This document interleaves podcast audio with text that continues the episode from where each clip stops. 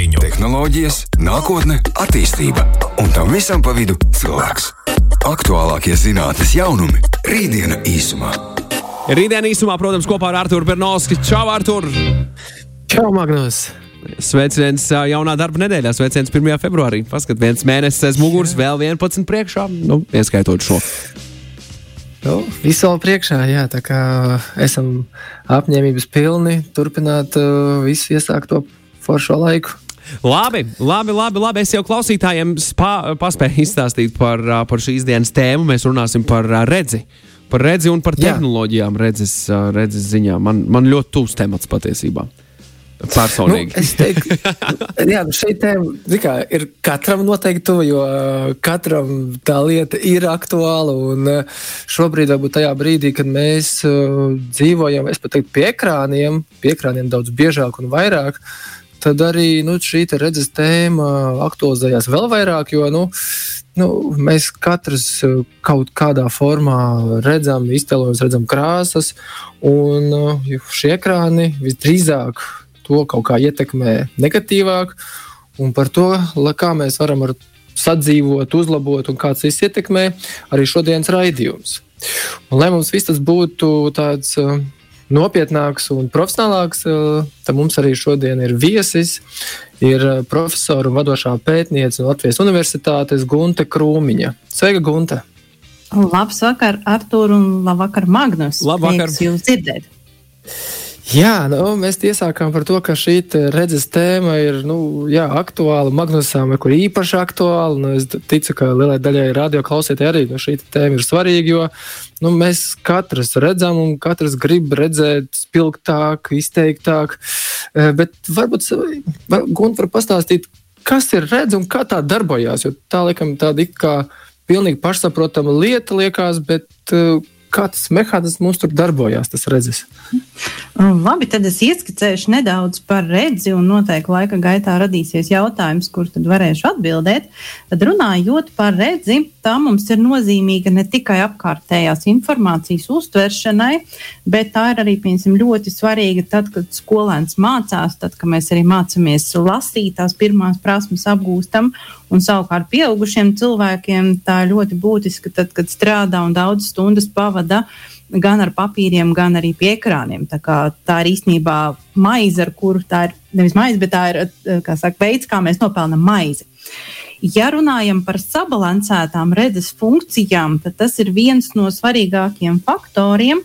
Pieņemsim tā acu fokusēšanu, ko būtu vieglāk saprast. Tas nozīmē, mums ir jāredz skaidri, kas notiek gan tālumā, gan tūmā, gan arī acu savērsums. Līdzīgi kā mašīna, kad brauc ar četriem riteņiem, tad katram ritenim ir jāgriežās saskaņoti savā starpā, lai mašīna tiktu uz priekšu. Tieši tāpat ir ar mūsu redzes sistēmu. Ja būs šis līdzsvars gan starp fokusēšanu, gan acu savērsumu, kur mēs skatāmies, un lai būtu vienots attēls, tad tas nodrošinās arī mums veiksmīgu iekļaušanos darbos, ir sevišķi tūma darbos, kur mums ir diezgan saspringta šī redzes nepārtraukti vajadzīga visu cauru dienu. Un, protams, mūsdienās skatoties labi šajā Covid laikā, mēs daudz vairāk pastiprinātāk sēžam pie datora ekrāniem vai viedajām ierīcēm, lai mācītos, lai strādātu attālināti. Taču šī problēma ir jāsaka, jau ir diezgan sen, kopš tā brīža, kad sāka mūsu ikdienas dzīvē parādīties viedās ierīces ar vien vairāk. Nu, mēs paši, ja paskatāmies uz sevi no malas, tad noteikti ik viens redz, kas notiek viņu mājās, kas notiek pie brokastu galda. Brīžam brokastis mijās ar telefoniem rokās, eh, mājās vakaros ir tas pats, ciemojoties ejam atkal tas pats. Var teikt, mūsu dzīve ir ļoti krasi mainījusies, un cilvēki ir sākuši ar vien vairāk, jāsaka tā, ka tūmē skatīties un koncentrēt savu redzi, un tāpēc līdz ar to šīs redzes problēmas mums pieaug. Mums tagad ikdienā tiešām tie ekrāni ir visur. un Tas, laikam, vairs nav minūtes, bet tās ir stundām pavadītais laiks pie ekrāniem, gan pie lielākiem monitoriem, televizoriem un arī pie mobiliem tālruņiem. Kā šie ekrāni iespaido mūsu redzi, vai viņi visi vienādi iespaido, vai tomēr nu, ka- kaut kas drusciņš labāks un kaut kas drusciņš sliktāks priekšredzes?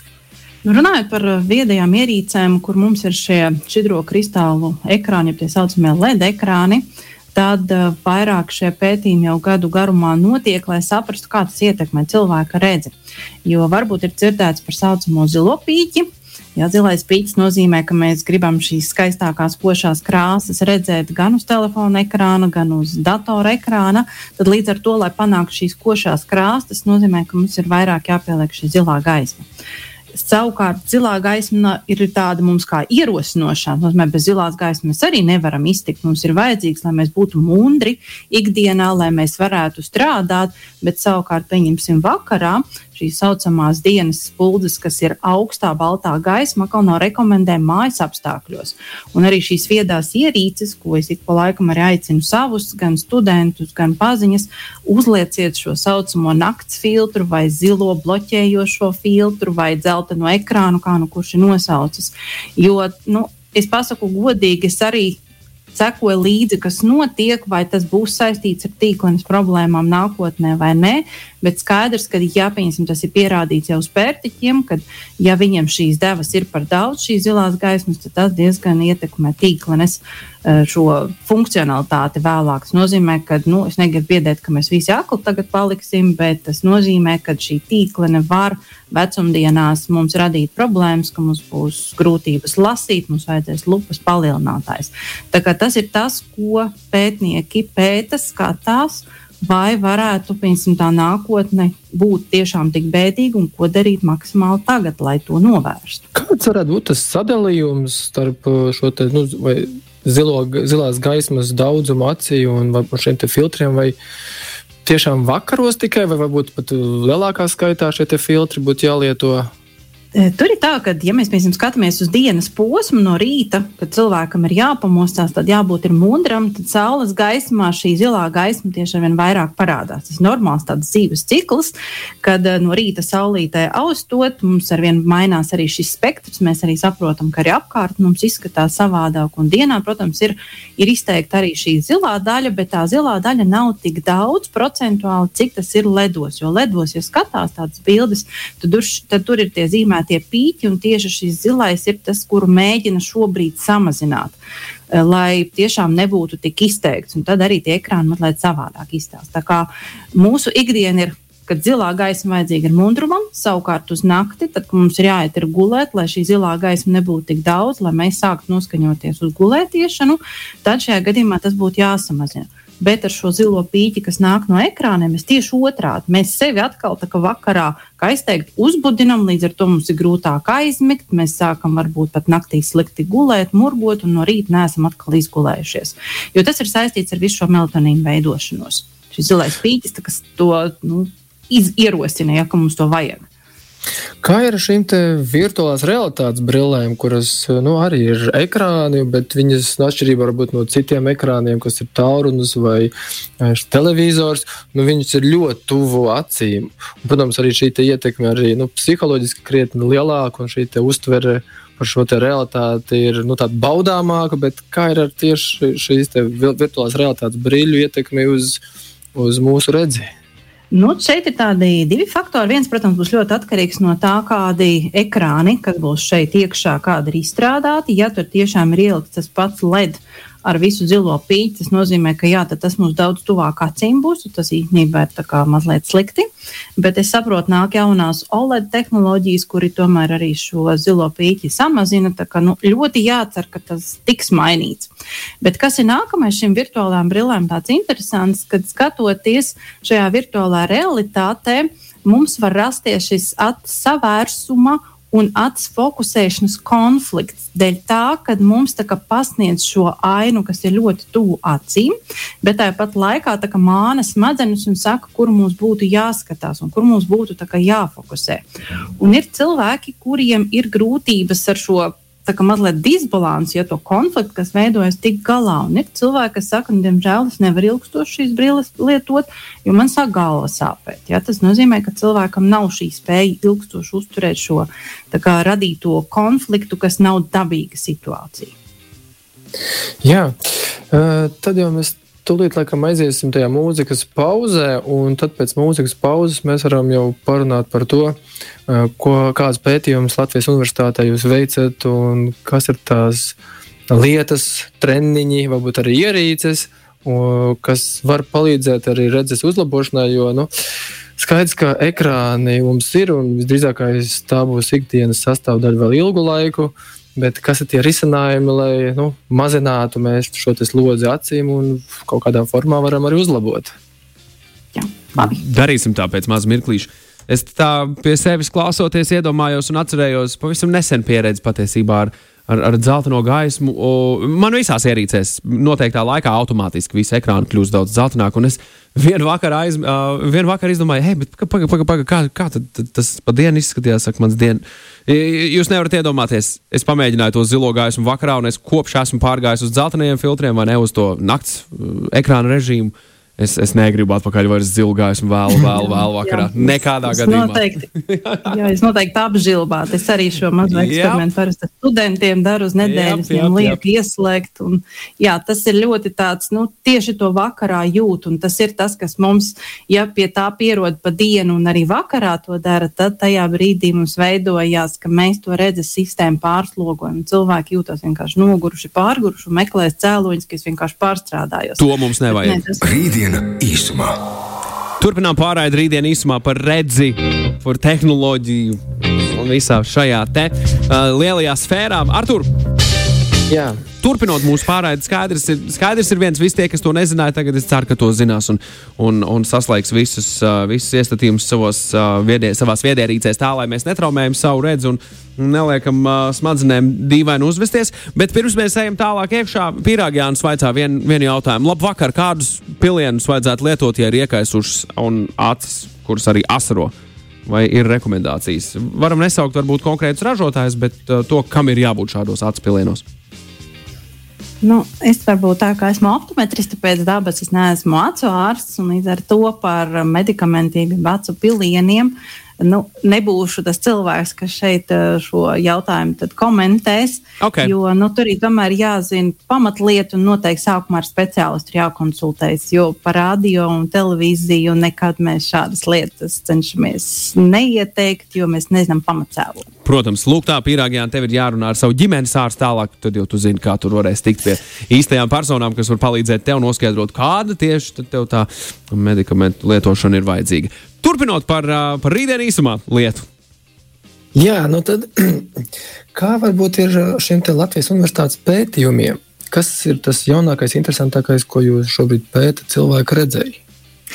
Jā, tad ieskicēšu, ka šobrīd mēs ļoti aktīvi strādājam pie redzes profilaks, jeb redzes skrīninga iekārtas izveides, kura ir patiesībā turpinājums mūsu projektam, kas notika dažus gadus atpakaļ, kur mēs izstrādājām tieši skolas vecuma bērnu redzes pārbaudes taktiku un bērnu redzes skrīninga sistēmu.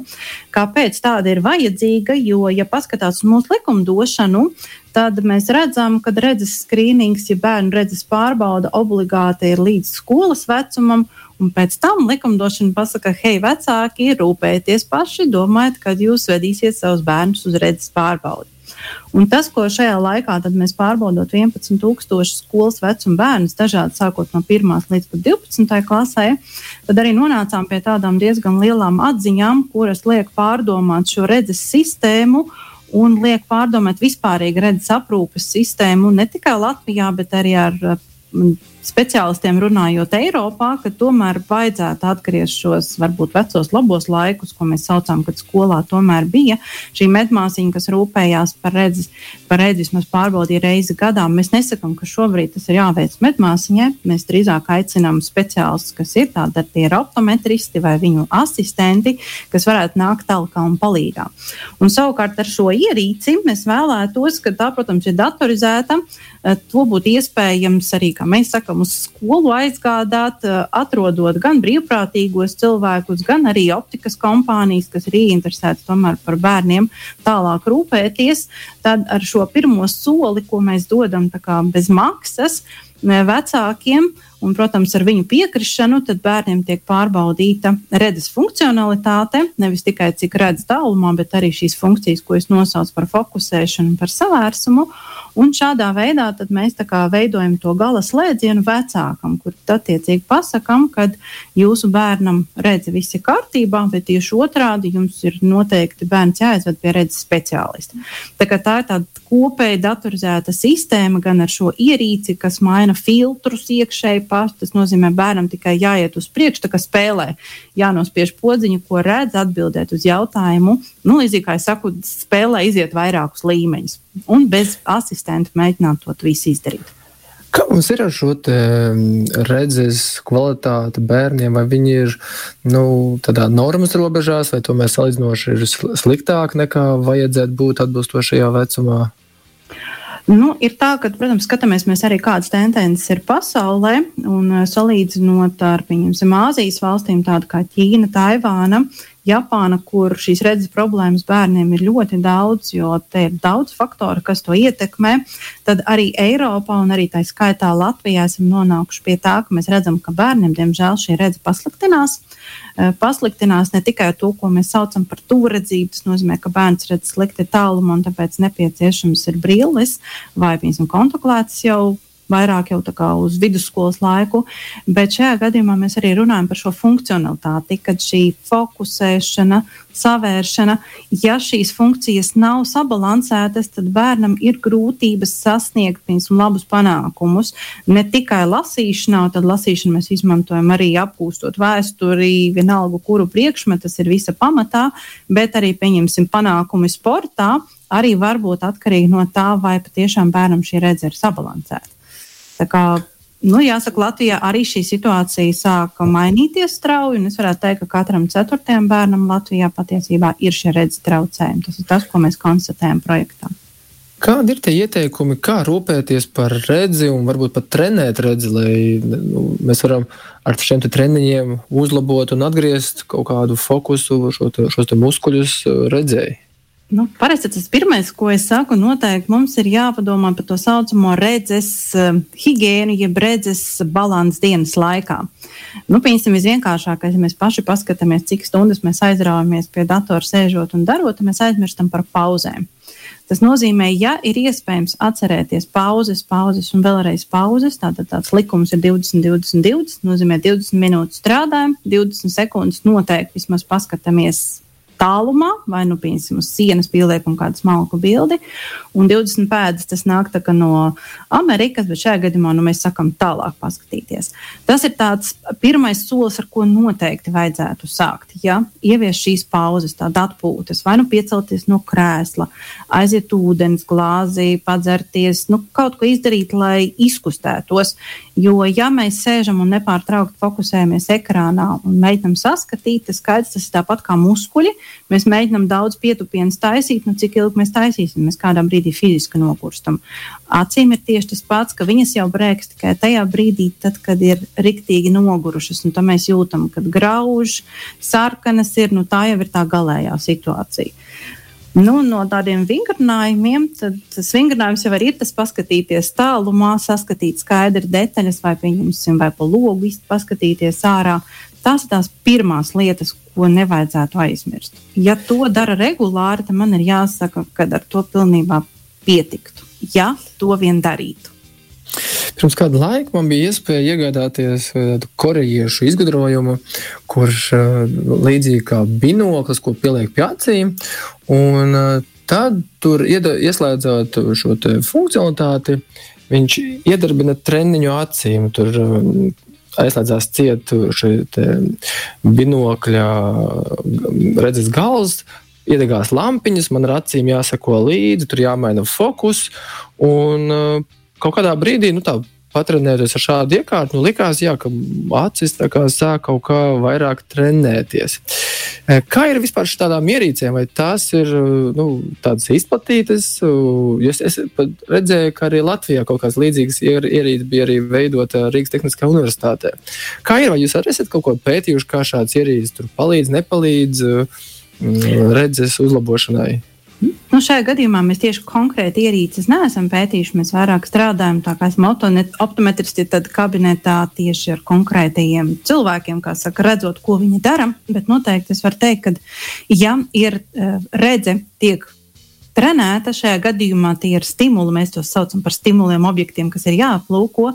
Ja tie ierosina, ka acis mums ir jāpagroza, jo es pieņemu tur, kur bija tās lampiņas, kas ticamāk acis pa labi, pa kreisi bija jāuz, jāizgroza, tad tie ir arī tādi vingrinājumi, kurus mēs arī sakam, ka var veikt arī bez tādas kā stimulācijas ārējās. Nu, šajā gadījumā, kāpēc visi šie vingrinājumi ir vajadzīgi, iedomāsimies, ka mūsu acis ir tas pats mūsu ķermenis, kuram ir vairāki muskuļi. Un ja tagad šos muskuļus mēs pareizi kustinām, tātad pareizā virzienā ar pareizu spēku, tad skaidrs, ka mēs tā kā uzturam tonusu. Un tajās pauzēs, tad, kad mēs esam saka, pastrādājuši, tagad atkal patrenējam, tas ir līdzīgi kā esam sēdējuši un tagad izkustamies.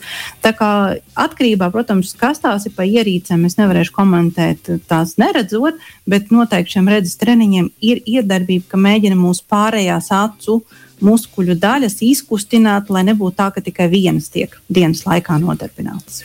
Kā ir ar krāsu? Jo arī krāsu mēs kaut kā uztveram dažādi, un pat vienu to pašu sarkano krāsu, kāds redz spilgtāku, mazāk spilgti.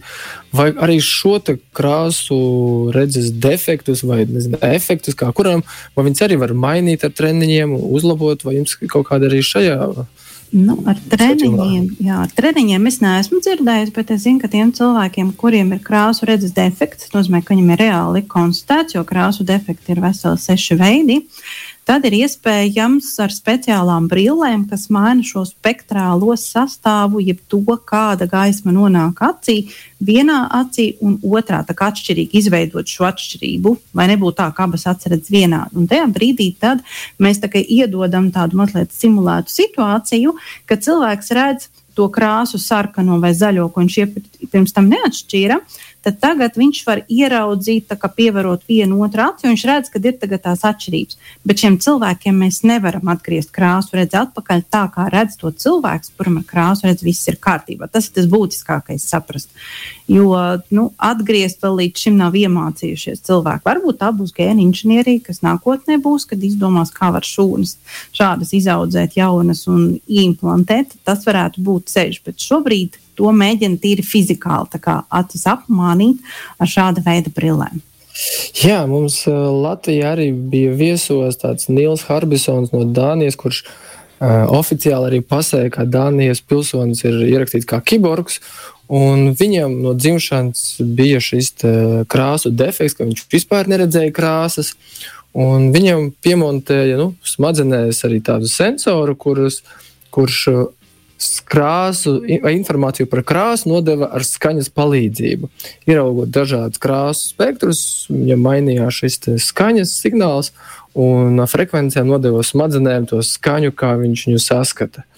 Viņš ir viesojies arī pie Latvijas un stāstīs, protams, savu to piedzīvojumu, kā viņš no cilvēka ir kļuvis par reālu kiborgu. Un, nu, protams, viņa gadījumā šis defekts bija iedzimts, ko viņš ir mainījis ar jā, ar, ar, ar operāciju. Un, protams, ka šobrīd dzīvo jau savādāku dzīvi, varbūt pilnvērtīgāk noteikti, kā bez tā, ka viņš neredzētu krāsas, bet eh, vai tas tiešām būs kaut kāda nākotnē, grūti spriest, jo viņš šobrīd tāds vienīgais staigājošs kiborgs eksperimentāls variants, kas uh, spēj uh, uztvert arī krāsas savādākā veidā, kā tikai mēs par to esam iedomājušies? Es varētu teikt, ka tā nav tāda nesasniedzama nākotne, jo šobrīd arī notiek diezgan intensīvs darbs pie akliem cilvēkiem, ka viņiem mēģina tīklenē implantēt čipus. Ja līdzīgi kā datorā, kuri arī dod šo stimulāciju uz mm. smadzenēm, un šādā veidā viņš sākumā, ja agrāk bija tā cīņa tikai par to, ka ir gaišs vai tumšs, tad šobrīd arī šiem akliem cilvēkiem jau ir tik tālu tikuši, ka vismaz lielos objektus var atpazīt. Nu, krāsas, tad... kā, nu, tas varētu būt tas nākamais līmenis, bet vismaz lielos objektus. Gaiša nākotnē noteikti tomēr ir Jā. paredzama. Jā. Nu, mēs ceram vienmēr uz to labāko, jo skaidrs, ka cilvēkam gribam palīdzēt. lai viņš redzētu, jo vissāpīgāk jau ir tiem cilvēkiem, kuri ir zaudējuši redzi. Jo tie, kas ir piedzimuši, viņiem strādā citas maņas, viņi ir adaptējušies. Bet tie cilvēki, kas ir zaudējuši dzīves laikā savu redzi, viņi to ļoti pārdzīvo. Mēs varam piedāvāt visādus palielinātājus, lupes un dažādas aizstājējas, bet viņi atcerās to, kā bija agrāk. Tāpēc viņi cenšas atgūt, un, protams, saka, nu jā, tas nav tā, kā bija agrāk. Jā, bet vismaz ir tomēr solis uz priekšu. Jā, nu, paldies liels par šodienas sarunu. Ļoti daudz kas interesants, noskaidrots. Un, jā, tā kā gaiša nākotnē ir tomēr iespējama. Jā, tā kā novēlu visiem labi redzēt, audzēt savu redzi. Tas ir būtiski. Paldies par rītdienu īsumā, Artur. Paldies uh, arī jums, uh, Gunta, par, uh, par sarunu. Līdz nākamajai nedēļai, Artur. Vislabāk! Jā, paldies! Čau, čau! Rītdiena īsumā!